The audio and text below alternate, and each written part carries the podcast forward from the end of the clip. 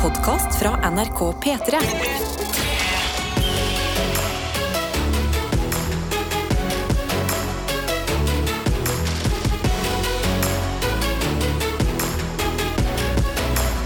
Dette er P3 Morgen. Og det er mange ting som spiller inn når man skal få en så deilig start på dagen som mulig. Kaffe, en viktig faktor i dette radioprogrammet. Mm. god musikk, det har vi ordna, så det får du. Og så er det jo å høre hvordan det går med hverandre. Se hverandre litt, vi som er tidlig oppe. Så innboksen den åpner vi nå, og én vei inn. Det er kodeord P3 til 1987. Eller på snappen vår NRK P3 Morgen. Da er det bare å sende en snap til hvem du ønsker. Riktig. Hva har du foran deg akkurat nå, f.eks.? Og så kan vi jo vi begynne med en liten runde her i dette studioet i mellomtida. Bare så vi vet hvordan det går med gjengen Ja. på denne Ja. siden. Um, er det noen som føler seg kallet til å uh, begynne i dag? Jeg hadde en utrolig behagelig morgen i dag. Eh, jeg sto opp før alarmen, 20 minutter før alarmen, så bare våkna jeg. Og da fikk jeg til å sove lenger. Bare lå der, meska meg i dyna og sånn, fordi jeg visste at i dag så skulle jeg gjøre noe som jeg hadde gleda meg til siden i går. Og det er at uh, du Siden i går. Ja, siden, det i går siden jeg fikk en pose i går. Ja! Fordi Tete Lidbom hadde jo vært i Colombia, Ja! og så hadde han kjøpt kaffe. Mm. Og jeg sto du, i morges bra du satt kaffe med en gang. For du, Ja, jeg hadde var, kjøpt en pose med kaffe. Ja. Det, var ikke, det var ikke en brick of cocaine. Eh, og jeg sto da i en ganske god stund i morges og bare Kverna kaffe. Så nå har jeg med meg colombiansk uh, uh, kaffe som jeg skal lage etterpå. tenkte jeg. Brygge opp litt uh, digg. Jeg har tatt den i dobbeltpose for å holde aromaen inne. Smart. Den der, den der posen, nei, altså den kaffen der, den kjøpte jeg i en bitte liten by som heter Guatape. Guatape. Ja, som eh, var veldig, veldig fargerik. Altså, den Fargerik lukter så sabla godt. Er det altså da en fargerik kaffe? Det er jo spørsmålet. Ja. Og for Nami, lukta nami, lukta. Vi er så dypt nede i avhengighet. helsike. Oi, oi, oi, oi. Det var nesten så jeg vurderte å ta det linje. Altså. Det, så godt lukta det. Livet blir ca. en milliard ganger gøyere med litt colombiansk kaffe. Ja, vi står her og sniffer på en pose fra Colombia, Ja. og det skal lages kaffe. Jeg gleder meg veldig til det. Så det blir nice. Ja, men vet du hva? Nå skjøtta jeg ned. Det er det eneste jeg klarer å tenke på. nå. Det føles som en sånn merkedag i P3 Morgen at vi skal smake på noe litt spesielt. En gave fra Colombia. Ja, jeg, nå fikk jeg bare lyst til å drikke jæskla mye kaffe, så vi får tømt den kanna som er der. Ja, altså, jeg er sikker på Jeg skal lage det en ny kanne. Eller jeg skal lage, å, det skal bli godt. Å, okay. det skal bli godt. Det skal du få lov til å gjøre. Yes. Um, det, den her energien trenger jeg. Okay. Fordi min start på dagen var eh, de første fem minutterne eh, helt fantastisk, dem òg. Akkurat litt sånn som deg, Karsten. Men så kjenner jeg det Det, det pipler, det, det klør. Og så ser jeg meg i speilet og bare Joho! Joho! Vært på ferie i tre uker, kommet tilbake. Der har jeg fått munnsår. Så deilig! Det er så deilig å Nei. avslappe seg. til munnsår. Nå var du Det hjemme og spilte, deiligste. og da kommer det. Ah, Uff, men meg. det jeg har skjønt, det er, altså, det er så tørt i Norge. eh, Og det er veldig veldig fuktig i Colombia. Altså, jeg har en nese som en treåring. Altså, Den er så tørr. Den må smøres flere ganger om dagen. Ja, ja. Leppene mine de bare, bare åpnes. Altså, jeg er så tørr! Ja, men det kommer colombiansk kaffe til dette. Husk Ja, det når, eh, når ting eh, skranter litt. Eh, Jeg for min del har hatt en Husker du oppussingen jeg Begynte jeg med den da Ja. du Jeg skulle begynne med den Idet jeg dro, I det skulle du du dro, begynne ja. oppussingen. Den skulle vare i en uke, var tegningen fra håndverkeren. Den har, det, vi er på fjerde uke nå. Det er fjerde uke, ja. Yay, men i dag kommer de på besøk, så jeg i dag morges Så jeg har begynt å si besøk til håndverkerne. Det er også et problem. men i dag kommer de for å gjøre en ganske viktig finish. Så da følte jeg i anledning at jeg må eh, slippe de inn eh, etterpå. De skal inn i hjemmet mitt. Hvor det er et litt sånn oppussingskaos nå. Så jeg har gått og rydda litt i morges. Du har rydda i kaoset? litt, sånn, litt småting. Litt sånn, oi, legge de skoene.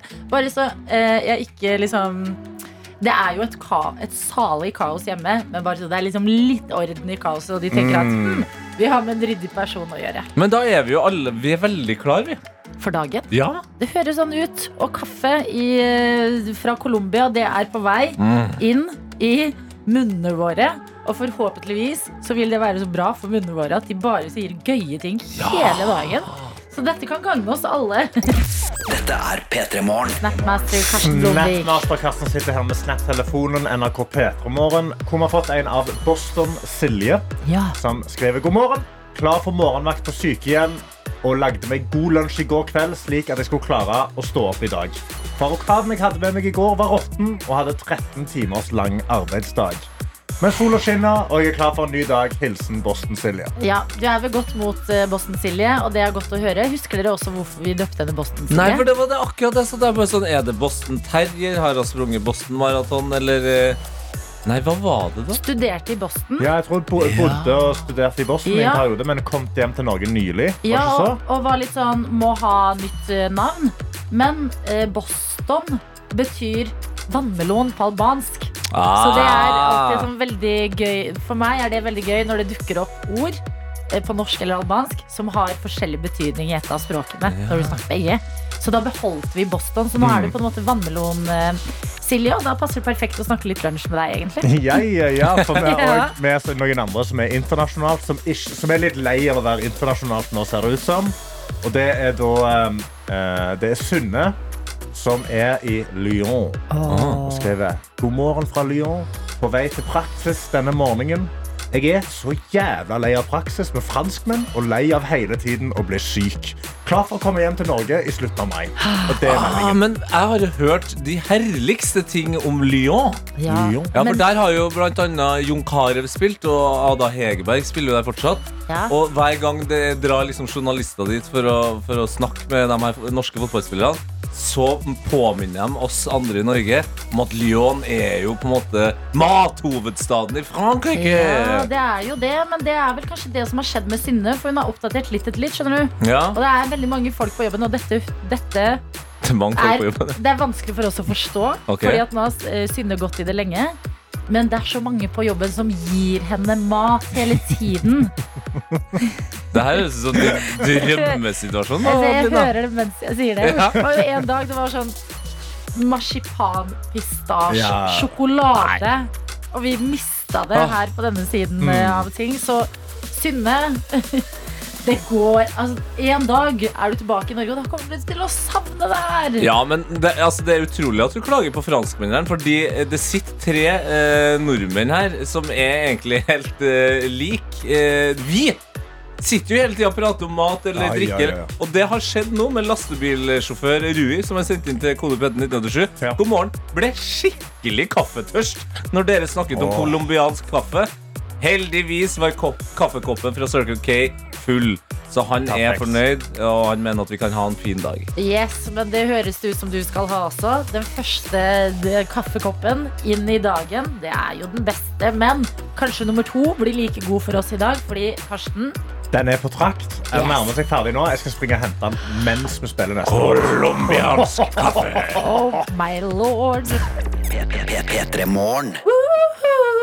Er det vi sier her inne, fordi endelig er tiden inne for at vi skal smake på colombiansk kaffe. Det stemmer. Jeg har jo da vært eh, tre uker i livets land, Colombia. Si. Ja, og de er jo kjent for de tre K-ene. Kaffe, kakao og kokain. Ja. Eh, det jeg innså mens jeg var der, var at de er, eh, og har vært mye lenger, eh, dritgode på kaffe og kakao. Men uh, fått et ufortjent rykte som et eh, kokainland. Men de har jo ikke vært helt Altså, dårlige på kokain. Å, nei, nei, nei. direkte ufortjent rykte. Nei, altså, nei, men, de jobba altså- ganske hardt for det ryktet i en periode. Ja, de, de, var veldig, altså, de var veldig effektive i å, å få det ut de var veldig flinke. Men jeg trodde, eh, sånn, når alt kommer til alt, så trodde jeg verken Ecuador eller Venezuela eller hvor som helst hvor man lager det, lager Ja. så veldig mye bedre. De, de, var, de, var, de hadde god PR-avdeling. de hadde en god liksom, influenser på den fronten. De Ja. hadde en fyr vi var interessert i å lære mer om. En, en karakter. Ja, Ja, liksom og det en var- Elon Musk av kokain. Ja. Ikke sant? Men nå Mm. har jeg skjønt at eh, mitt oppdrag her er å, å på en måte eh, løfte fram da eksempel kaffen Mhm. eh, til Colombia. Den er dritgod. Du er jo en kenyansk kaffedrikker. Jeg er en kenyansk kaffedrikker. Jeg Karsten? tror ikke jeg har drukket colombiansk kaffe før. Ikke Jeg er sant? veldig spent på det. Men vi bare lukte på den først. Ok Den lukter kaffe. Ja, den Lukter lukter, kaffe, men det- den lukter kaffe, men Lukter litt sånn kaffe. hint av eh, fruktig på enden der. Ok. Ja, Den er ikke like grå i Eh, lukta som den Mm, andre. mye lysere. OK, Ok. smake. Er du klar? Ja, ja, ja, ja, jeg er klar. Da kjører vi. Ok. Oi. Å, nam. Jeg skjønte ikke hvorfor jeg sa oi, men uh, så kom jeg på det. Men grunnen til at jeg sa oi, var Å, det smaker som det jeg har drukket den siste uka. Ja. Det var digg, Colombia. Fader, jeg skulle ønske jeg hadde ordene til å beskrive kaffe. Men bare si det. Det, det, Jo, fordi det smaker du? egentlig kaffe. Ja. Som vanlig kaffe, Ja. som jeg jo liker svært godt. Det er bare en litt annen eh, nesten konsistens på den. Ja, jeg syns synes han hadde litt mer sånn hadde litt, mer sånn, Ja, litt tjukkere, litt mer kick i seg. den, ja, en liksom den, glatter, liksom. Ja. Den Nei, dette her var bra. Og det her er kjempebra. Saker. Du har shit. tatt med fra Colombia til oss, eh, Tete. Det er så deilig å kunne komme kom fra ferie sånn litt langt unna og ha med seg good shit. Tenk så gøy hele den praten blir hvis man bare liksom bytter ut ordet kaffe med kokain. Sitter det folk på radio og bare mm, Litt tjukk. Ja, kjempe. Ja, nei, men det, vi lover. Det er kaffe. P3morgen. P3 Morgen. Kan jeg bare si at vi har fått en melding fra Kristin Gjør det? eh, som handler om noe som Synne skrev inn til oss eh, fra Lyon litt tidligere. Ja. Og det var at nå begynte hun å bli lei av eh, livet i Lyon og gleda seg til å komme tilbake til Norge. Hør på dette her. Det er helt sykt. Okay. Hei! Ja! Enig med Synne, som jeg for så vidt går i klasse med her i Lyon. Oi! Hæ? Ja! Kristin og Synne er begge med Lyon? Og går i samme klasse. Lyon-Syn og Lyon-Kristin. Ah, Så står det videre. Jeg kjenner at det blir godt å komme hjem til Kristiansand Men i dag er det meldt 20 grader og strålende sol Så det blir vel en god dag. Og i morgen tidlig går turen til Paris Sammen med Synne. For å se Karpe-konsert. Ja! Store bokstaver. Det blir så gøy!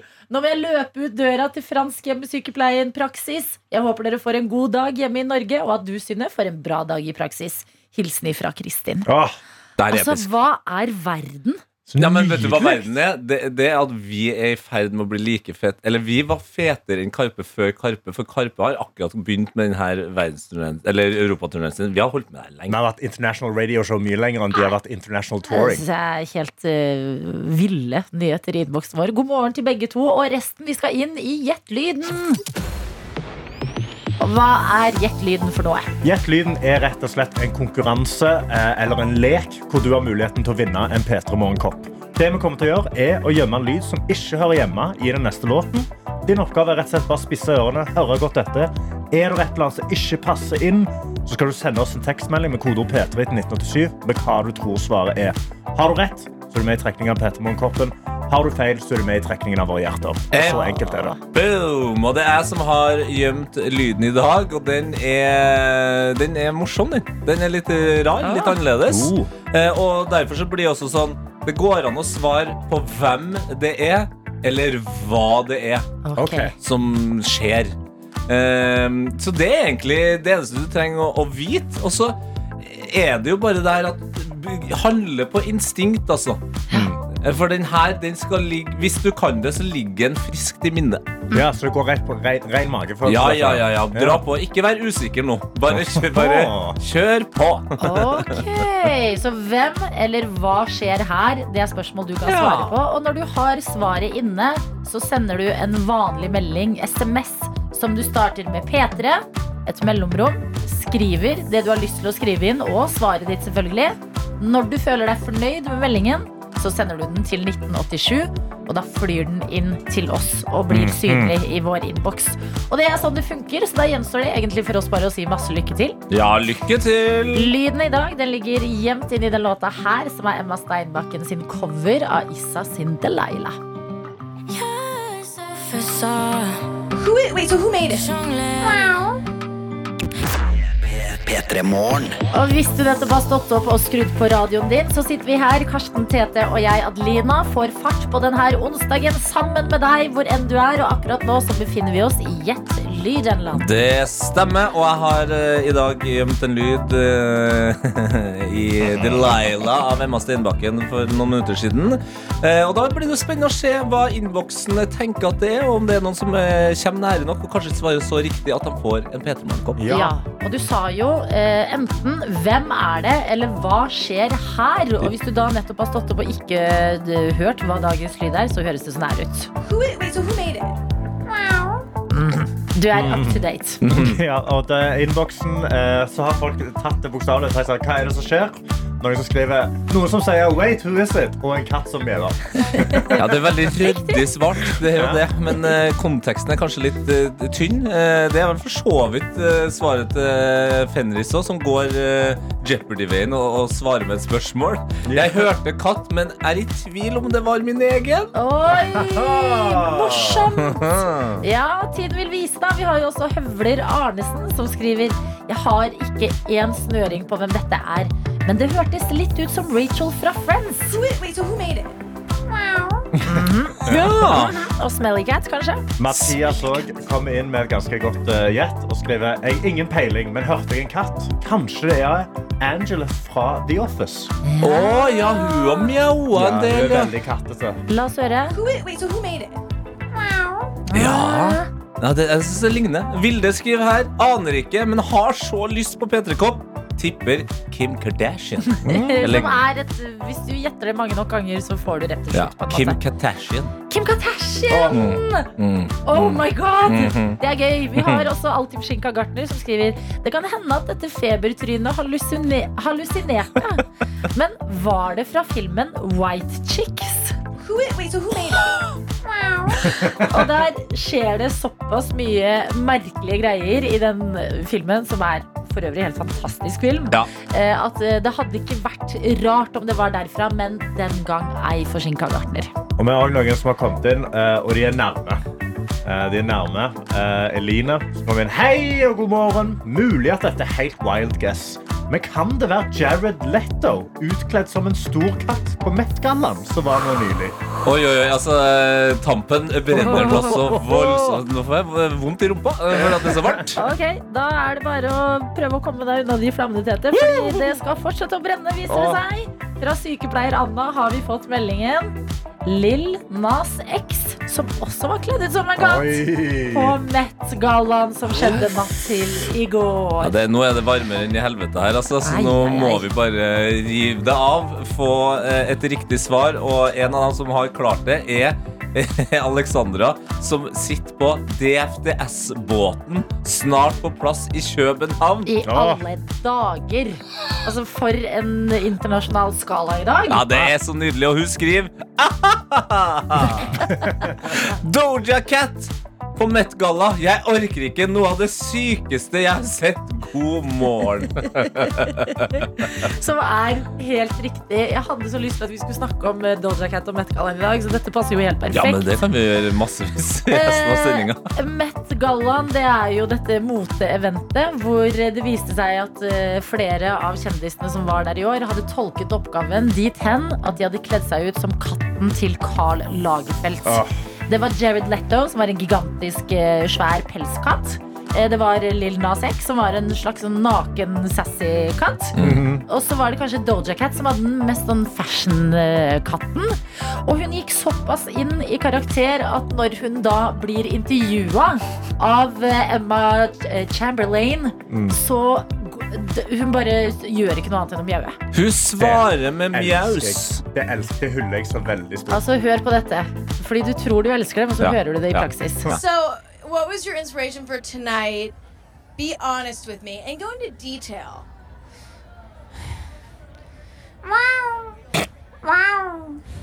Altså, det er Go into detail!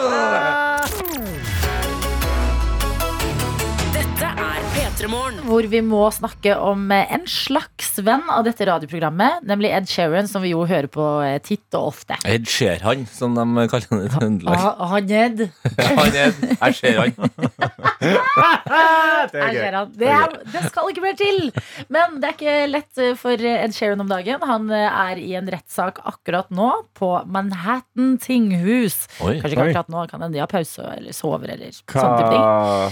Men det som skjer, det er eh, at eh, han er i en rettssak eh, fordi familien til Marvin Gaye har saksøkt han for plagiat. Og der er vi i gang, ja. oi, oi. Der er vi i gang. Har Ed Sheeran latt seg inspirere litt for mye av låta Let's Get It On til Marvin Gaye, Mm. eller har han ikke det? Og det har tilspissa seg ganske mye til i eh, denne rettssalen. Fordi nå har Ed Sheeran også gått ut og sagt det jeg leser inne på 730 nå, at hvis eh, han blir tatt for plagiat i denne saken her, så kommer han til å gi seg med musikk. Oi! Mm. Oi, det er heftig ting å si. det er Gunnar Bitternes, altså. Da er du su... Hva mener du? Jo, men det han mener er at han som jobber med å lage så mye musikk og eh, reise rundt og spille den, at noe som høres likt ut i en av hans mange låter, høres litt likt ut som noe annet. At musikken skal reduseres til det, det er liksom Åh, forkastelig. jeg, gleder, jeg gleder meg til om 20 år, når eh, Ed Sheeran eh, hører en ny eh, artist lage en låt som ligner noe Ding, ding, jævlig. ding, ding, Ja. ding, ding. Men jeg har eh, klippene foran meg. Jeg tenkte Ja, vi kunne høre på begge to. Ja. Kanskje begynne med den som ligger liksom, den må grave litt lenger eh, bak i hjernebarken for å finne. Eh, nemlig da Let's Get It On av Marvin Gaye. Marvin. Mar Marvin, Marvin. Mar- Gaye. Han er vår venn. I've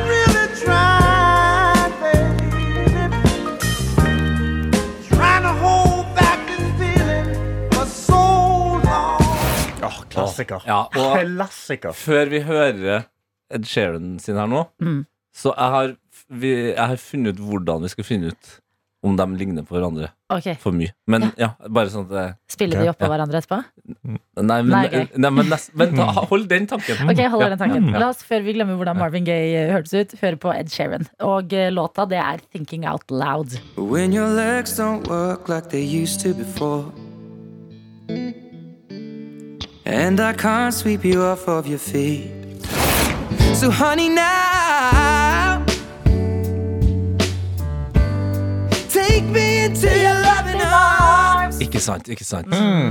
Marvin Gaye med Let's Get It On er jo kanskje Han Marvin. historiens Han Marvin, Ja, Han Marvin. Marvin. Ja. Kanskje historiens mest kjente liggelåt. Ja, ja, det er en bangelåt, ja. Ja, det, Det er ikke en bangelåt. Det er ikke- nei, nei, det er ikke det er Sweet Love Me. Ok, sorry, sorry. Ja. Unnskyld. unnskyld. Så, så det jeg tenker Det man må se for seg For jeg klarte så vidt Jeg måtte, jeg måtte holde for munnen jeg, når vi hørte på eh, Marvin Gaye i stad. Eh, Bare eh, få i gang den igjen her nå. Og skal vi tenke noe spesielt når vi hører det, eller? Dere tenker, tenk eller gjør noe som helst. Nei. Jeg fikser biffen. Ok. Okay, Ok, ja. da hører vi på dette.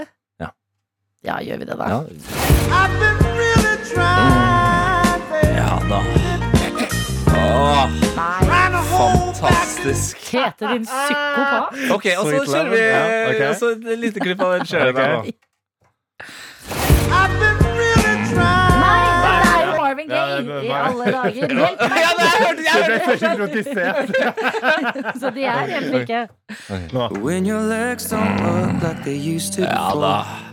Jeg er forstyrra på en helt ny måte. I can't sweep you off of your Fantastisk. feet. So, honey,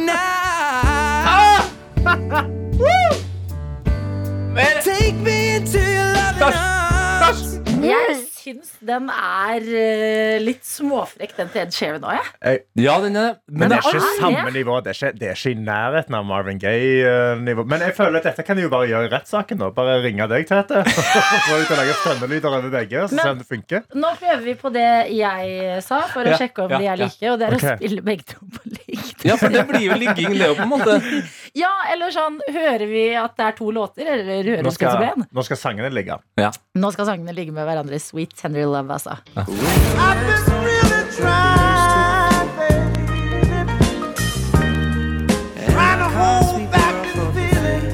Det er litt likt, Ed, altså. eh, altså det jeg sier, Ed Sheeran eh, Det var eh, så eh, hyggelig så lenge det varte. Men du, hvis du mener at du må slutte med musikk hvis du taper her, du slutter. Ballsy move. Fremtiden vil vise, Dette er P3 Morgen. som skal inn i sekund for sekund.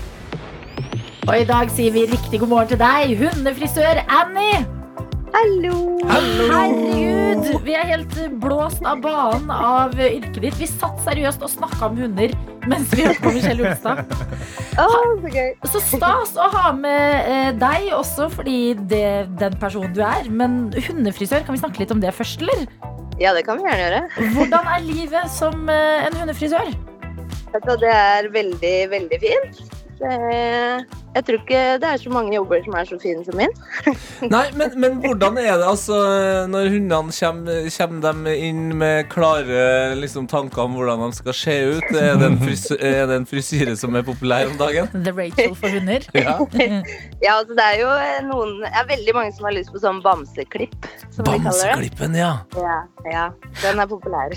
Og hvordan er eh, hunder som eh, Ikke pasienter, men hva heter det? Kunder. Kunder. Ja. Ja, altså det er jo ikke alle som syns at det er like gøy å stå stille på et bord i en halvannen time. Eh, så noen ganger så er det litt eh, Du må smiske litt og legge godvilja til for å få det til. Hva er, triksene, hva er triksene du bruker når du har en litt vanskelig kunde? Ja, da er det mye godis. Eh, og kos og ros. Skulle ønske jeg fikk det som frisøren. jeg, Ja. Godis og ros. Og, Ja. Ja. Ja, skipp dere bladene vi har i TikTok og Instagram. Altså det, vi, vi skal bare ha godis nå. Klem meg bak øret og gi meg litt sjokolade, så jeg happy. Men Annie, jeg kommer ikke unna at du heter Annie og er hundefrisør. Altså, du lever et hundeliv. Ja, vi gjør det. Det er fantastisk.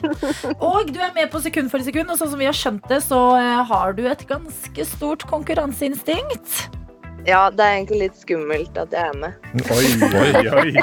Så, eh, hva, hva, hva, så kan det gå utover liksom typ dagen, uka, hvis det ikke går som du forventer? Um, nei, jeg, det, det går ganske fort over, men eh, jeg, jeg, blir, jeg kan bli veldig lei meg. Blir det litt hissig sjamponering senere i dag, eller?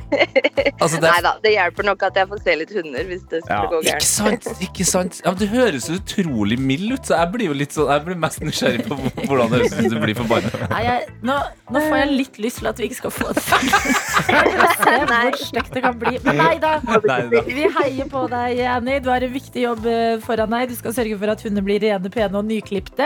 Og forhåpentligvis skal det gå ganske greit med deg aller først her i radioen. Og da kan vi jo spørre, siden vi nå vet at konkurranseinstinktet er stort, hvordan føler du at kontrollen din på uh, musikk er?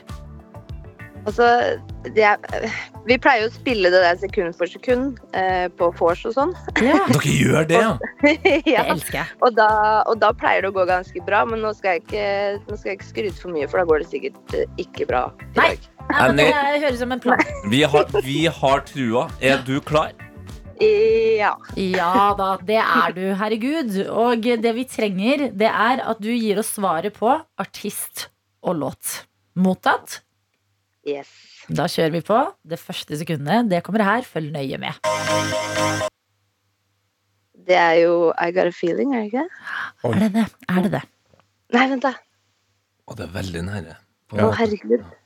Jeg forstår hvor du kommer fra der, men det, det er ikke helt rett. Pleier du å nunne deg videre inn i sangen? Å, herregud. Mm. Eh, Skjønner at uh, konkurranseinstinktet bobler nå, eller? Ja, nå dunker hjertet veldig fort. Det, hø det høres ut som vi skal til to sekunder, men Ja. husk det. Altså En andreplass, det, det er ikke å tape, det, altså. Mm, Ja, det er litt Eh, Nei! Jo, for jeg vet hvilken, jeg vet hvilken sang det er. Ok, Hvilken okay. er det, da? Eh, Du vet hvilken sang det er? det. Det er ikke I Got a Feeling, så stryk Nei. den. Prøv å liksom nullstille eh, hjernen din litt. Og så går vi inn i to sekunder, og bare fortsett ut av de to sekundene videre på låta. Se om det tar deg noe sted, ok? Yes. Da kjører vi på med to sekunder.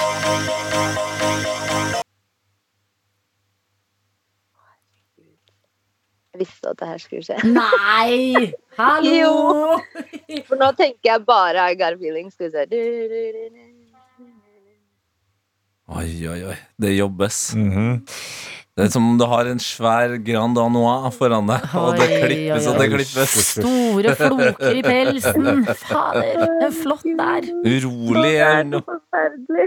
Nei, men du, det, det er alltid digg å uh, få noen hjelpemidler når de sitter bom fast, selv om vi, Ja. Vi skjønner. Ja. Du kan egentlig låta. Det er jo det som er hele konseptet her. Det er en låt du mest sannsynlig har hørt før, men hvor raskt kjenner du den igjen? Og hvis det ikke går på to sekunder nå, så kan du få et hint istedenfor tre sekunder, som kanskje kan hjelpe deg inn i riktig spor. Ja. Det- Jeg har lyst til å si David Guetta, David Guetta men det Det er ikke David Guetta, altså. Nei, men jeg må ta hint, da. Ok, Da skal du få et hint av meg, Annie. Og det er en California girl synger om en velkjent nyttårsaktivitet. Og det er jo Katy Perry med 'Fireworks'. Eller? Der er Der sitter den! Riktig! Å, vi burde tatt Gratulerer. hintet først. Ja, vi burde tatt hintet først, ja. Nei, Du, jeg gidder ikke å høre på det sekundet. Jeg bare tar, tar hintet med en gang. Uh, ja, ja. Det gikk på den tredje gangen. Det var Katy Perry med Firework. Jeg syns du klarte å holde konkurranseinstinktet i sjakk. Ja. Veldig ja men bra. du, du vet ikke hvordan det er inni meg. Hvordan er inni deg, da? Er det firework? Ja, det er veldig. Annie, are you okay? Hey. Nei, men du, Vi sender et skrapelodd i posten hjem til deg. Der kan det skjule seg alt fra 25 kroner til 1 million. Si du vinner 100 000. Hva kjøper du for å glede deg selv, da? Uh, ja, hva kjøper jeg da? Da Dette er ikke en konkurranse. ja. Bare Nei, spørsmål. Mm. Masse, masse klær og ferie. Masse. Herregud, da håper vi, sånn som med alle skrapeloddene vi sender ut, at det blir en liten gevinst på dette her også. Annie, helt fantastisk. Første gang jeg har snakket med en ekte hundefrisør, og det er Ja, det er stort, stas. det er stort rett og slett. Ja, Lykke til på jobb i dag, og takk for at du var med. P3 Morgen. Vi har fått besøk og kan si god morgen til en fyr vi sier god morgen til ganske ofte. Det er fordi du er kollegaen vår. Ludvig Løkholm Levin, velkommen! Tusen takk. God morgen. Går det bra med deg eh, på denne onsdag? Det vil jeg absolutt si. Jeg kommer jo eh, så å si rett fra premierefest. Ja. Ja. For eh, norske biffer. Så litt ruskete i stemmen, men veldig sånn blid inni meg. Hvordan, hvordan gikk det på, altså, Er du rusket i stemmen for at du måtte stoppe masse slåsskamper på premierefesten? Eller hvordan, hvordan gikk denne festen? Eh, altså, fellesnevneren for halvparten av de som kommer inn i det lokalet, er at de er der i kraft av å være kranglete. Ja. Ja. Så det og, og, Det er ikke bare at de ikke liker liksom motparten, men de er i natur kranglet. Yes, og så drar vi jo gjennom noen episoder hvor de sitter og slenger dritt til hverandre, og den, det er så intenst. Ikke Og alle er blide, og det er rød løper, og alle er sånn der veldig pynta, og så skuler de bort på Altså sånn, Den stemninga er Altså, dette er sesong to. Jeg gleda meg. Jeg gleda meg til den festen. Ikke sant? Men det som skjer, er at de aller fleste blir bedre venner i løpet av kvelden. Ja. Men ikke alle.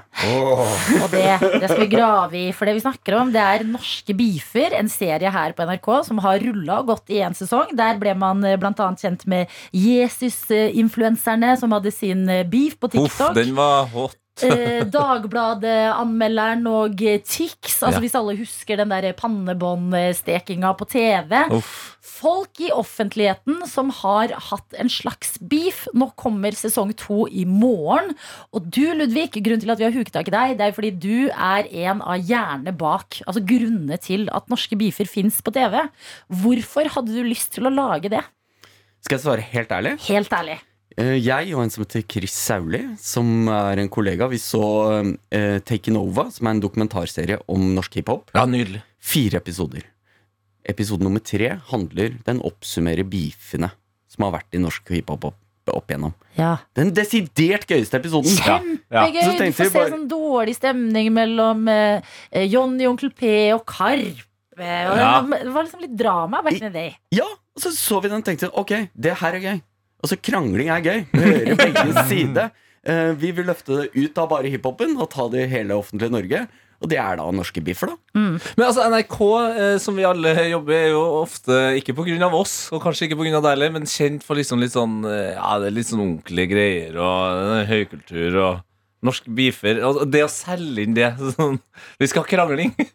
Er det, føles det godt, liksom, eller? Jeg hadde jo egentlig ikke trodd vi skulle få lov. Altså, krangling er jo noe av det mest sånn primitive og duste vi driver med, men alle gjør det. Ja. Og, og, og det skjer. Eh, men det er jo gøy. Og hvis man skal være helt ærlig, liksom, sladder er gøy. Er du gal? Ja, ja. Ja, ja, og du vil jo inn. Du vil altså Når folk også står i det altså, Det er det motsatte av canceling. Yeah. Da bare later man som folk ikke fins. Beef er det motsatte. Da går det i konfrontasjon. Bang! Kjempe mot den andre for å få rett. Det er moro! Ikke sant? Og vi ser jo ofte krangling på f.eks. Debatten. Men det er jo blant eh, politikere og eh, proffe talspersoner som har liksom lært seg forskjellige teknikker og sånn. Hvordan er det å hoppe ut i det bassenget med norske beefer som dere tar eh, tak i? For det er jo folk som bare liksom ufiltrert mener ting på TikTok. Ja, det kan du si. Men vi tar jo altså Det er mange som krangler på TikTok, og vi tar jo ikke og det er mange som krangler om ting som e- ikke er noe. Vi tar biffer som dypest sett handler om noe vesentlig. Ja. Eh, Første episode handler om mannrollen og kvinnerollen dypest sett. Da tar vi tak i det største dramaet som har skjedd på norsk TikTok. Ok. Som eh, Er dere på TikTok, eller? Ja, var det, var det Det før? her, Var det vi, før? kan, det, vi kan ikke svare på det. Nei, nei, nei. Altså, det er en som heter Emad, som er på en måte Han blei stor veldig fort med å være en sånn norsk Andrew Tate. Og som Ja. snakka om hvordan menn skal ta tilbake makta fra kvinnen. Og får en ganske massiv følgerskare. Og selvfølgelig masse fiender. Og da blir det beef med en som heter Anine, som eh, er dypt, dypt uenig. Og det som er egentlig gøy og interessant med denne beefen, som handler om kvinnerolle, mannsrolle altså, Samme som på 70-tallet og 80-tallet. Altså, det, er ja, det er noen det er ting noe som ikke skjer Det er en ny Ja. Generasjon. sant? P3 Morgen. Vi graver i hvilke eh, norske offentlige krangler er det vi skal få lære mer om, Ludvig. Og du nevnte så vidt. Det var eh, en mellom eh, Eller som handler om eh, kjønnsroller, i bunn og grunn. Ja, Ja. Kvinner mot menn. Ja. Ja. Eh, så Andrew Tate var jo Altså, nå tror jeg alle er litt lei av Andrew Tate, men han var jo det mest googla navnet i fjor. Ja. Av alle. Og, og, og det, jeg tror liksom sånn Der dukker det opp liksom et sånt algoritmeproblem i samfunnet. Altså det er lett å hate på han. Men da, f- fordi det, da dukker det opp liksom ting han har sagt som er liksom sånn ah, dette er kvinnefiendtlig. Ja. Uh, men grunnen til at han blei så gigantisk, er jo at han sier noe som har appell hos noen. Og hvis du er en av de som liker deler av det han sier, da får du noe helt annet innhold. Da snakker han om hvordan en mann skal være, liksom. Og, og hva, hva som er utfordringen med å være mann, og hvordan du skal lykkes som mann, liksom. Og da får man to forskjellige verdener.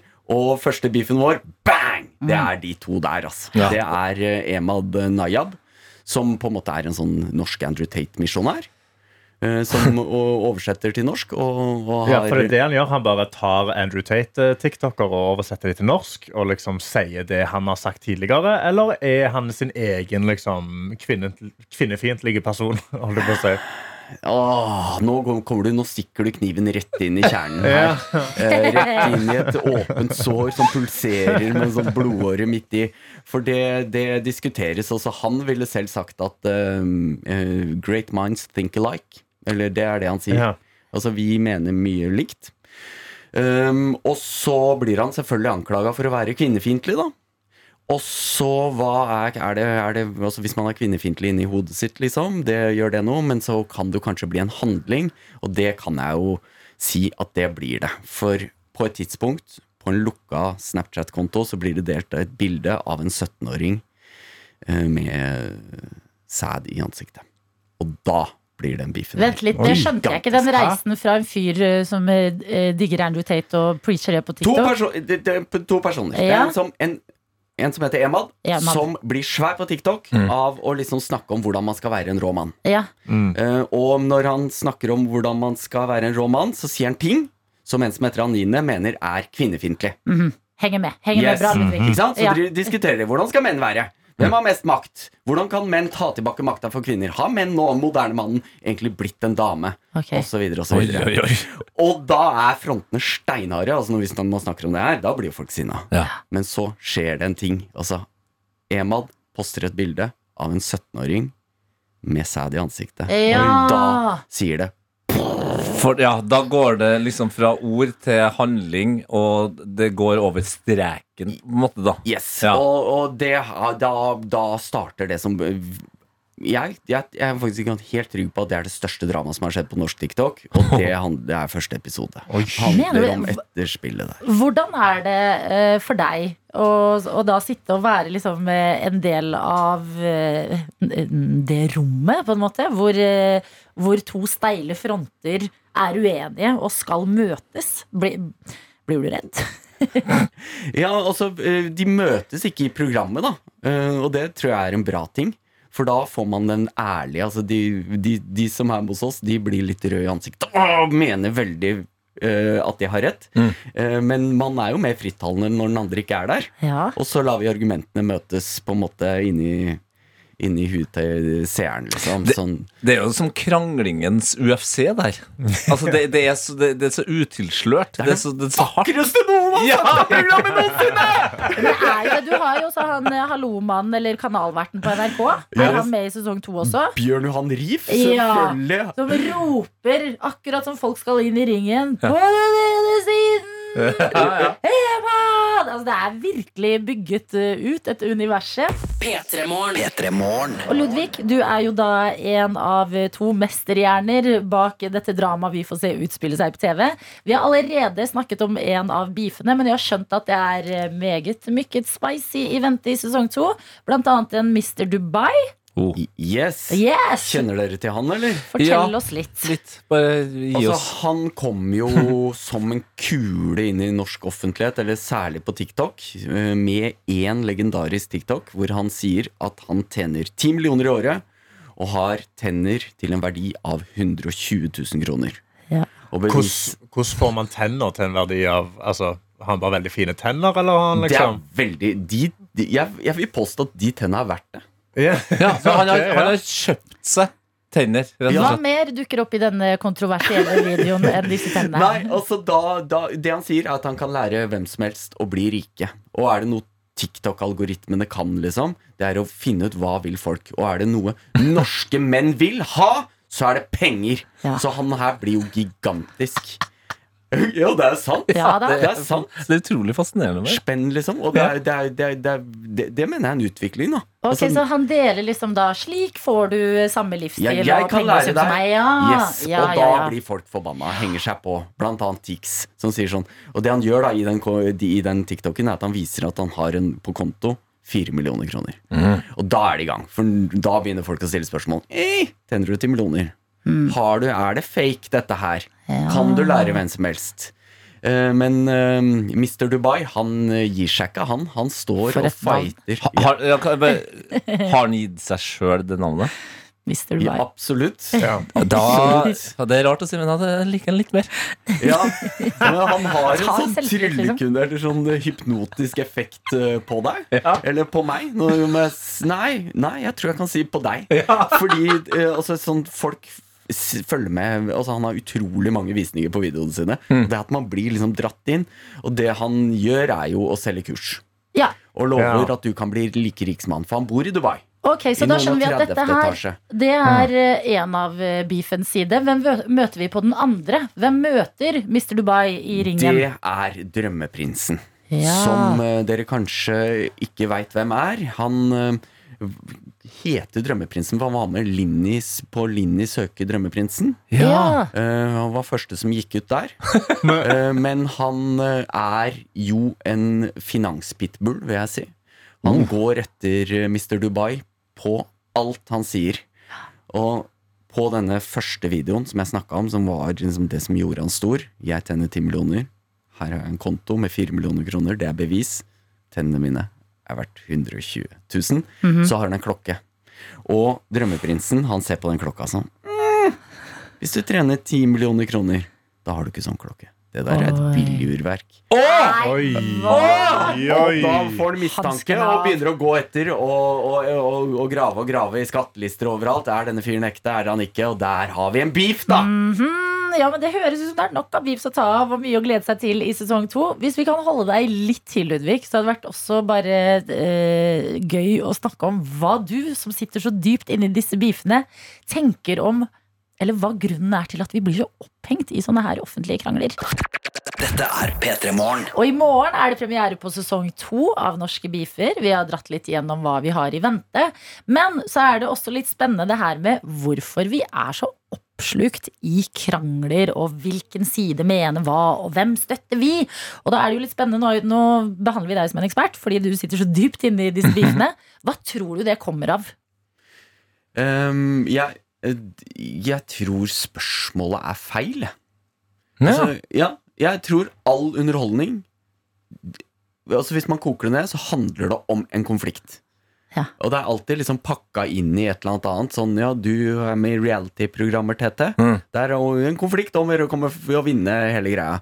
Og alle filmer handler jo om en konflikt på, på, på en eller annen måte. Men da må man ta en liten omvei først. Sånn, ja, det er kjærlighet, hun er forelska i han, eller han er forelska i hun, og så, ei, så er det en konflikt gående. Men det som er deilig med norske biffer, vi oppsummerer offentlige krangler, og det er så utrolig digg sånn når man lager TV, da, og bare kunne gå rett inn i krangelen. Vi slipper den der lille dansen først sånn Ei, dette handler om noen som er på militæret. her Det, prøver- Det, er- Det er sånn- rette sak, ja. Og, er men for det jeg tenker også er, er liksom er det også litt sånn fordi vi nordmenn i utgangspunktet er litt sånn konfliktsky, så er det jækla digg å se på en krangel litt for armlengdes avstand? Ja, det tror jeg.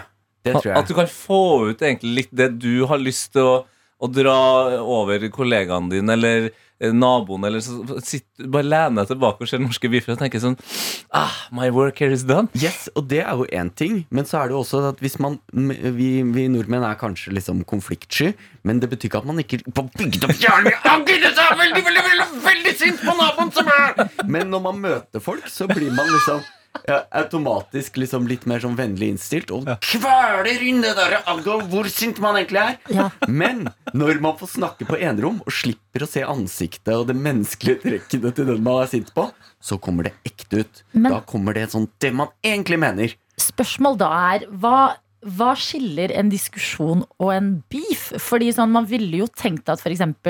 Erna Solberg og Jonas Gahr Støre har en beef, men det har de ikke. De har en diskusjon på en helt annen måte enn liksom dette som tydeligvis skjer, liksom, som blir litt mer sånn eh, Spisa opp og større og, og ja, liksom rarere. Ja, um, jeg vil jo si at ja, de har en beef. Men jeg tror jeg vil heller Jeg tror det er mer interessant å høre hva Erna Solberg mener om Jonas Gahr Støre når, er, når hun er på bakrom han ikke er der. Da Ikke sant, for får de er nesten alltid i samme rom, ellers, og så er de også eh, begge liksom Ja, det, Så man blir mer ordentlig, da. Ja. Og, og sømmelig, og liksom legger litt bånd på seg i når man er ansikt til ansikt Er med det, noen. Er det den veien vi ønsker da politiske debatter skal ta? At Erna og Jonas bare begynner å lage TikToks Nå om tenker du bra. hverandre? Nå Ja. tenker du bra. Sesong tre, norsk Beefer. Ja, ja, ja. Valget. Jeg har lyst til å, å, Ladies and følge gentlemen. med Erna Solberg når hun går etter debatten inn på bakrommet og sånn Jonas Doro, det trikset igjen! Alltid, han skal alltid snakke om det! Det er det, det, er det man Men da egentlig vil gjøre, får, vi, jeg. da får vi jo sånn der Hillary Clinton, Donald Trump f- Forferdelig rom i Norge også. Forferdelig rom, men Ja. jævla bra underholdning. Ja da. Åh, godt Ja, poeng. men til hvilken pris, da?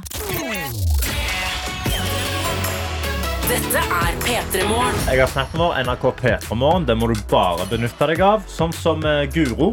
Sendte selfie med en nydelig hest i bakgrunnen. Som føler liksom sjekker seg litt til. Hest! En hest i bakgrunnen, ja. ja, ja, ja. Og så skriver hun tok turen til hovedstaden i går og vant travløp.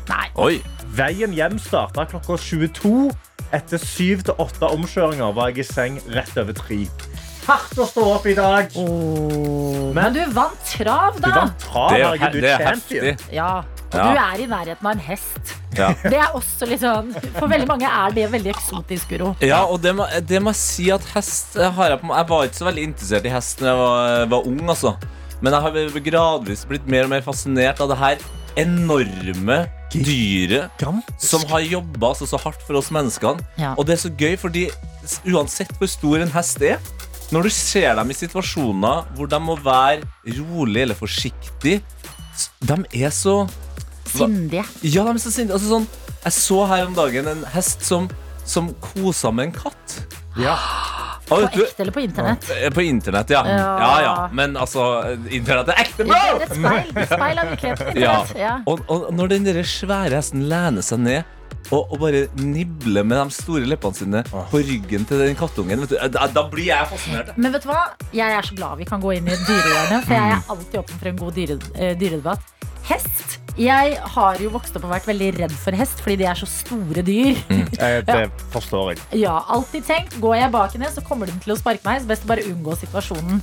Men så vokser man litt opp ikke sant? og ser litt disse dyrene holde på. Og jeg syns også det er så fascinerende eksempel, at hester, som er så store dyr Nå skal ikke jeg sammenligne dyr, men jeg skal det litt. Det. Tenk hvis de hadde oppført seg som liksom valper og vært helt sånn gærne. De, er liksom, de blir født, Og så har de litt sånn tynne bein som de balanserer litt utpå. Og så bare er de flinke. Liksom. Smart, ja. Ja, sånn der, sånn høflige dyr. Men, men er de høflige pga. eierne? At alle eierne har vært veldig flinke med dem? At hvis vi liksom bare hadde hatt en hest og hadde vokst opp ved siden av hunder, så hadde han blitt som en hund? Det, er- altså, det hadde vært ganske skummelt om han liksom kommer spurtende mot dem hoppe på brystet ditt. Ja, fordi de er så store. Ikke Ja. sant? At Hvis en hund hadde vært gigantisk og vært liksom en uh, gæren valpeperiode, så hadde jo det også Da hadde det vært, det hadde vært mindre mennesker på jorda. Det er helt sikkert. Nei, vet du hva? Hest Appreciation Day i P3 Morgen i dag. Altså. Vi er venner av hester, vi. Og vi må også si god morgen til en som ikke har det så lett. F.eks. For eksempel ved å høre på P3 Morgen i dag. Og det er en person som skriver Jeg ble singel for ca. to uker siden, og hvorfor er det bare kjærlighetssanger dere spiller? Og jeg lover deg, det er alltid sånn her. Men når du er i en kjip eh, hjertesituasjon, eh, så hører du Du er så mye mer mottagelig for eh, at musikk handler om kjærlighet, eller tapt kjærlighet. Ja, og da må du jo bare tenke at grunnen til det er at det er flere i din båt. Altså, Du må bare tenke at alle de art artistene her også Ja. er single. Ja. Vet du hva? Det hjelper i kjærlighetsstunder. Hvis du hører på Adele Mm. og tenker sånn her Åh. Å, fy fader! Noen Altså, Adele har hatt denne hjertesmerten her. Noen har dumpa Adele. Ja. Da, da Da, går det greit. da reiser du deg opp på beina, akkurat som det lille følget som skal ut og ta sine første steg i en ny singeltilværelsen. Altså. Vi har fått en melding fra psykologistudent Cornelia. Men jeg bare må ta med inn her, fordi det står Hei, gjengen. Nå gjør jeg meg klar til å straks reise til Kjøben. Jeg gleder meg så at en eksamen venter rett etter retur. Det får jeg ta når det kommer. Ha en fin dag, alle. Hilsen Cornelia. Det, Perfekte innstillingen. Norge er i ferd Nei, Danmark er i ferd med å bli norsk. Altså det, det, jeg tror det er den fjerde meldinga vi leser opp fra en nordmann i eller på vei til København. God tur til deg, Cornelia. Jeg skal også eh, reise meg opp og reise av gårde, men ikke til København. Jeg skal hjem. Du skal hjem, ja? Hvorfor Ja. skal du hjem nå, da? Fordi, Husker dere den oppussingen som skulle ta en uke? Ja, den som starta. Ja, Ja. for den starta idet jeg dro på ferie. Ja. Og jeg, jeg gleder meg til å komme hjem til ditt nye kjøkken. Ja, ja. Ja. du- så- Å, nå sender jeg deg ut til Colombia, Tete. Ja. Og du kommer tilbake, da er jeg et ferdig kjøkken. Det trodde jeg oppriktig. Mm, eh, men det har ikke helt skjedd. så i dag er en ny dag i oppussingsverden, eh, hvor jeg må komme av gårde og få satt i gang noe Åh, Det er så kjedelige ord. Benkeplate av øy. Det er det jeg må gå og bare fikse litt eh, raskt nå. Ja, så Du skal ta imot eh, håndverkere. Ja. Eh, er det sånn at det har vært dem samme, og at dere er på liksom fornavn? Nei. Nei, så du vet ikke hvem som kommer hjem til deg? Jeg håper det er de samme som var der for noen uker siden sist. Men nei, eh, jeg føler jeg har liksom fått noen venner underveis, men så har de forsvunnet ut igjen. Så har de blitt erstatta av noen andre, og da er man tilbake på litt bar bakke. Altså. Har det gått så lang tid nå at du er eh, såpass utålmodig at du ikke bjuder på kaffe? Mm, jeg bjuder ikke på kaffe, fordi jeg vet ikke hvor kaffemaskinen er. Den er i en eske med alle tingene. Men jeg har pleid å kjøpe og ha litt sånn uh, kullsyrevann. Ja. Og safarikjeks. Det er, veldig, det er faktisk veldig søtt. Ja, Ja. Så det eh, pleier jeg å bjude på. Men det kan jeg også bare si i anledning oppussing at jeg var på uh, Maxbo i går. Ja. Hva fett at du begynner å bli sånn. Ja da, det, og der fikk jeg et lite blaff av hva slags, altså hvordan livet mitt kunne vært hvis jeg var litt handy. Okay. Så jeg, jeg hadde en liste med ting jeg skulle kjøpe, eh, og det var blant annet eh, sanitær silikon. Ja, Ja vel. Flislegge. Ja, til flislegging og eh, flislim og liksom forskjellige ting. Og det var bare noe med å komme inn dit og bare med eh, rak rygg si sånn Hei, jeg skulle gjerne hatt det, skal flislegge. Jeg Skulle gjerne hatt litt flislim, litt eh, sanitær silikon, fliskryss osv. Og få liksom bli møtt med respekt og forståelse oh. og en person som tror at du skal gjøre de tingene selv. Det var et helt Jeg liker, jeg liker at du ser på på den måten. Altså, jeg tror du ble møtt av en person som tenkte sånn Hun her trenger hjelp, og det skal hun få. Ja. Eh, for hvis Ja, du det hadde mitt hode, da. ja, ja, men Min- du, Min lev POV. sånn! Ja. Eh, men hils eh, håndverkerne, Ja, takk. Jeg eh, gleder meg like mye som alle rundt meg til dette er over. Men hallo! Ja. Dere, d- jeg går ut og gir stafettpinnen til Egil Skurdal.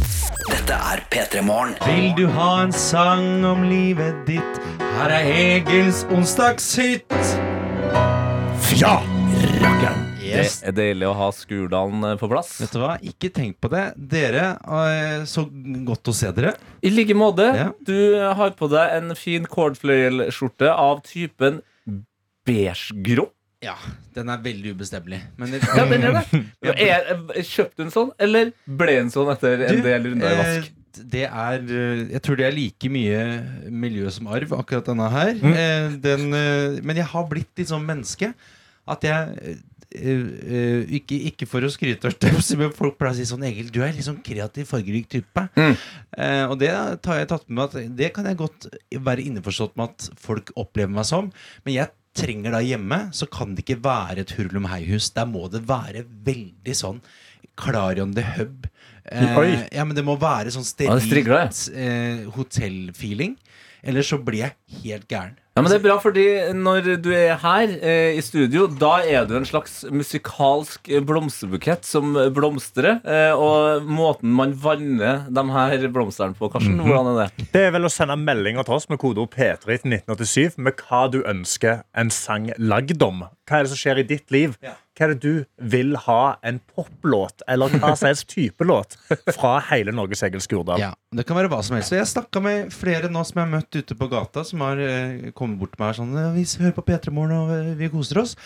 Eh, men vi, folk som er liksom står på bal og gjør seg klare om morgenen og sånn, men de, men de eh, tør ikke å sende inn. For de er litt sånn Nei, jeg har jo ikke et viktig problem, liksom. Det er ingen som har viktige problemer enn en andre. Her er bare ta tak i det du har. Om det er liksom Oi, i dag eh, var tannbørsten slitt. Det er en låt. Okay, jeg, kom jo akkurat hjem fra den her herlige ferien min. Og Colombia er jo et veldig fuktig land. Mm. Norge er tørt. Ja. Fytti rakkeren, det tørr luft der. Ja. Noe som har gjort at jeg sto opp i dag og bare Joho! Jeg har fått munnsår! Yes! Men det- hvorfor jeg sier yes, er jo for at jeg er dritforbanna. Mm. Det er utro... Altså, jeg hadde jo klart liksom bare en kjapp trudelutt på munnsår, liksom. Ja, ja. Ehm. ok. Um... Jeg har fått munnsår igjen. Nå er jeg kommet hjem fra ferie. Jeg har fått munnsår igjen. Kom, bli med, bli min venn nå. Munnsår igjen. Eh, For eksempel, da kan du Der er vi. Ja, men så enkelt er det. Altså, jeg bare sa noe, og du laga en låt. Vet du hva? Og det som eh, jeg alltid har sagt kval Kvantitet foran kvalitet. Ikke sant? Det viktigste er at man får det ut. Man skaper en stemning, mer enn at folk er sånn Herregud, det skal ikke gå an! Man kan ikke ha sånn hele tida. P3 Og det har kommet inn meldinger i innboksen vår, kodeord P3 til 1987. Og vi har fått en her hvor noen bare skriver Hei! Jeg klør veldig i rumpa i dag, og jeg kan ikke klø meg på kontoret eller gata. Kan jeg få en trøstesang? Det er det, det her, nå skjønner du hvor viktig Egils onsdagssitt har blitt når man hopper over apotekbesøket og, og, og salver og går rett til låt. Ja, At man heller vil ha låt. Ja. En Ja. rumpekløelåt. Mm. Eh, vi har også fått inn en eh, fra Lisbeth som skriver Jeg eh, baker foccaccia og lager pastasalat til kafeen og trenger en hevesang. Oi. Ok, så du Jeg, har, skjønner- jeg skjønner ikke hvorfor jeg syns det er morsomt. Det er morsomt med hevesang. Hevesang. Ja. det er hevesang eller klø i rumpa. Og um Åh. Det var vanskelig Nei, men valg. Lisbeth og, og han andre, hun andre Han andre. Jeg bare regner med at det var han. Ja. Um, og jeg fikk klø i rumpa. Hvor, skal jeg klø meg? Jeg bare syns det var litt inspirerende, bare. Ja. Uh, for jeg følte jeg kjente meg litt Du gjorde det, ja? Ja, men det er jo det er alltid litt sånn Noen dager så Noen dager så stikker jeg. Ja. Da, det er bare hvor Hvor er det lov å egentlig gjøre, lov å gjøre det? Nå Jeg liker veldig det jeg hører allerede, at det er litt sånn myke toner. Ja, ja. Eh, hva skal låta hete? Er det Mm, det klør i rumpa. Det var kreativt, Karsten.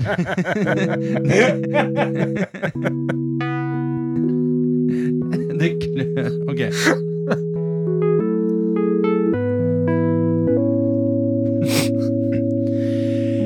Jeg står på gata helt aleine. Jeg føler nesten jeg skal dø. For nå kjenner jeg i buksa at nå begynner det å klø. Kan jeg klø meg på bussen? Kan jeg klø meg på na... Gud, så surt. Jeg må legge ned. Det, var på høyt. Kan jeg klø meg på bussen? Kan jeg klø meg på Rema 1000? Hvem er jeg, hvem er jeg, hvis jeg klør meg foran deg? Da er jeg en Å, oh, gud, dette ble okay, veldig barnehage. Okay, okay, da er jeg en rumpeklør. Da er jeg en rumpeklør. Klør det, så klør det, ja, nå må det bare gjøre det. For jeg er en rumpeklør. Å, altså, den skrapinga i skjegget der, Karsten, det er en maracas ikke si det i skjegget. for jeg klar- står meg i rumpa for mikken. Det er det, det, er, det det er lyden. Ja, ja. Kose, kose maracas, det, altså. Kose maracas. ta en refleks, sånn at vi får den maracasen tilbake. vi bråker. Da er jeg en rumpeklør. Da er jeg en rumpeklør. Et sted må jeg gjøre det. Fordi jeg blir en bedre person. Men hvem kan jeg være hvis jeg er en rumpeklør? Er en rumpeklør. Jeg tror man må bare drite i samfunnets normer. Når rumpa klør av ormer Jeg vet ikke.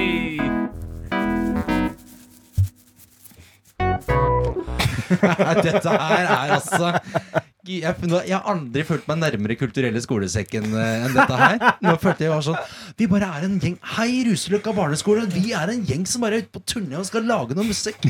Ja. Eh, det er bra at eh, hvis vi skal på den tu turen, at eh, Adelina mest sannsynlig blir med. For nå er det litt sånn uh, ungdomsskoleguttastemning her. Du laga en sang om at det klødde i rumpa i stad.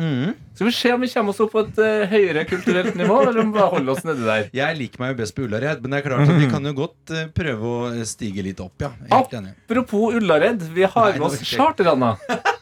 Charter-Anna! Ja, ja. Og hun skriver 'gjør dette for Charter-Anna'. Så det er jo deilig når uh, innsender starter i tredjeperson. Eh, kjære gjengen. uh, vi har en fantastisk kollega som heter Martin. Martin har uh, nylig uh, ish kommet i et situationship med en flyvertinne han Oi. liker veldig godt.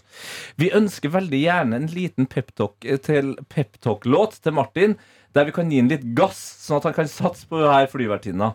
Eh, så jeg tenker liksom en sånn eh, Satse på flyvertinna-låt her, da, for, eh, for Martin. Ja. Ny- Nydelig, Martin. Herregud. Flyvertinnelåt til Martin, eller så har vi da eh, noen andre som er på vei til jobb. Skriver bare 'Jeg er på vei til jobb for å undervise russen om den kalde krigen og Kina'. Oi, den er- Så hvis du vil den er gå tung. på det høy politisk nivå, så kan du ta den. Og jeg kan jo ingenting, vet du. Ja, men det, det er gøy å høre. Altså, jeg vet jo ikke hvor mye denne personen heller vet. Jeg skal bare inn og undervise. Ja, og noe, eh, eh, eh, Beklager, så, men jeg, jeg, jeg tar jo det her som en konkurranse. At jeg leste opp det her flyvertinninga, så kommer han med fuckings kald krig og Russland. Og en ting jeg ikke tok med her, er at Martin, som da bør satse litt hardere på her flyvertinna, han, det er tilleggsinformasjon, han har også veldig lyst til å prøve uniformen hennes. Men har ikke turt ennå. Men de dater, da. Ja, altså det, Martin og situationship er jo Mm. Det er vel så vidt dating, da. Nei, Situationship er vel at nå dater du ikke andre, kanskje. At Ja. man er i et situationship. At Ja. man, liksom, man er ikke i et relationship. Nei. in a Nei, ja. situationship. Situationship. Kald krig eller flyvertinne? Å, det blir flyvertinne. Det gjør det, ja. ja, ja. Dessverre, Du kanskje. kan relate litt mer til det. jeg, kan, jeg kan ingen Jeg kan ikke relate. Jeg er veldig glad i å se på fly... Eh, Kaffe? Havarikommisjon. Eller Eh, te. Te, ja. Te. det er, du er jo kreativ, da. Kanskje tete, det skal du ha. Oi.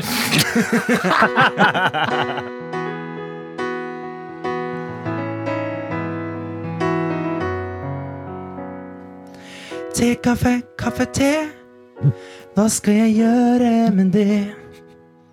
Du er så grei. Te, kaffe, kaffe, te. Skal det være noe for tralla? Jeg tror jeg elsker deg. Hvis du kommer med tralla di, så kan jeg ta en bit av hjertet ditt. Om du vil være jenta mi, så kan du komme inn i min cockpit. Det er et rim. Bli med og fly, bli med meg og fly i kjærlighetens tegn. Jeg må kanskje spy når vi er ute og flyr, men du er alt for meg. Kan jeg få en en panini? Kanskje denne gangen skal jeg kjøpe klokke i lufta. Det gjør man jo aldri, men kanskje jeg gjør det for å imponere deg. Jeg vil prøve uniformen din, for du er jenta mi i kjærlighetens tegn. Jeg vil være din flykaptein, du kan være min eh, Kaptein var inne på kapteina. Um, Flein. Ba bare du ikke er klein, for du kan være jenta mi, jenta mi. Oh, oh, eh, oh, jenta mi. Sett deg på Boeing 737, nå skal vi ut og fly. Ladies and gentlemen, no, it's uh, Eagle Squirrel. There's 20 degrees outside at Oslo Airport, and uh, thank you very much. Ja, fantastisk. Og så lyden av når man lander på eh, Lander med Ryanair. Og alle er sånn Vi overlevde i dag òg. Det gjorde vi. Selvfølgelig overlevde vi. De herligste toner fra deg, Egil. Eh, tusen hjertelig takk for at du gjorde den onsdagen her akkurat så bra som den skal være.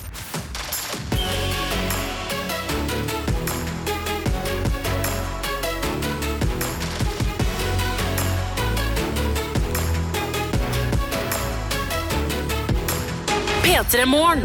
Du har hørt en podkast fra NRK P3.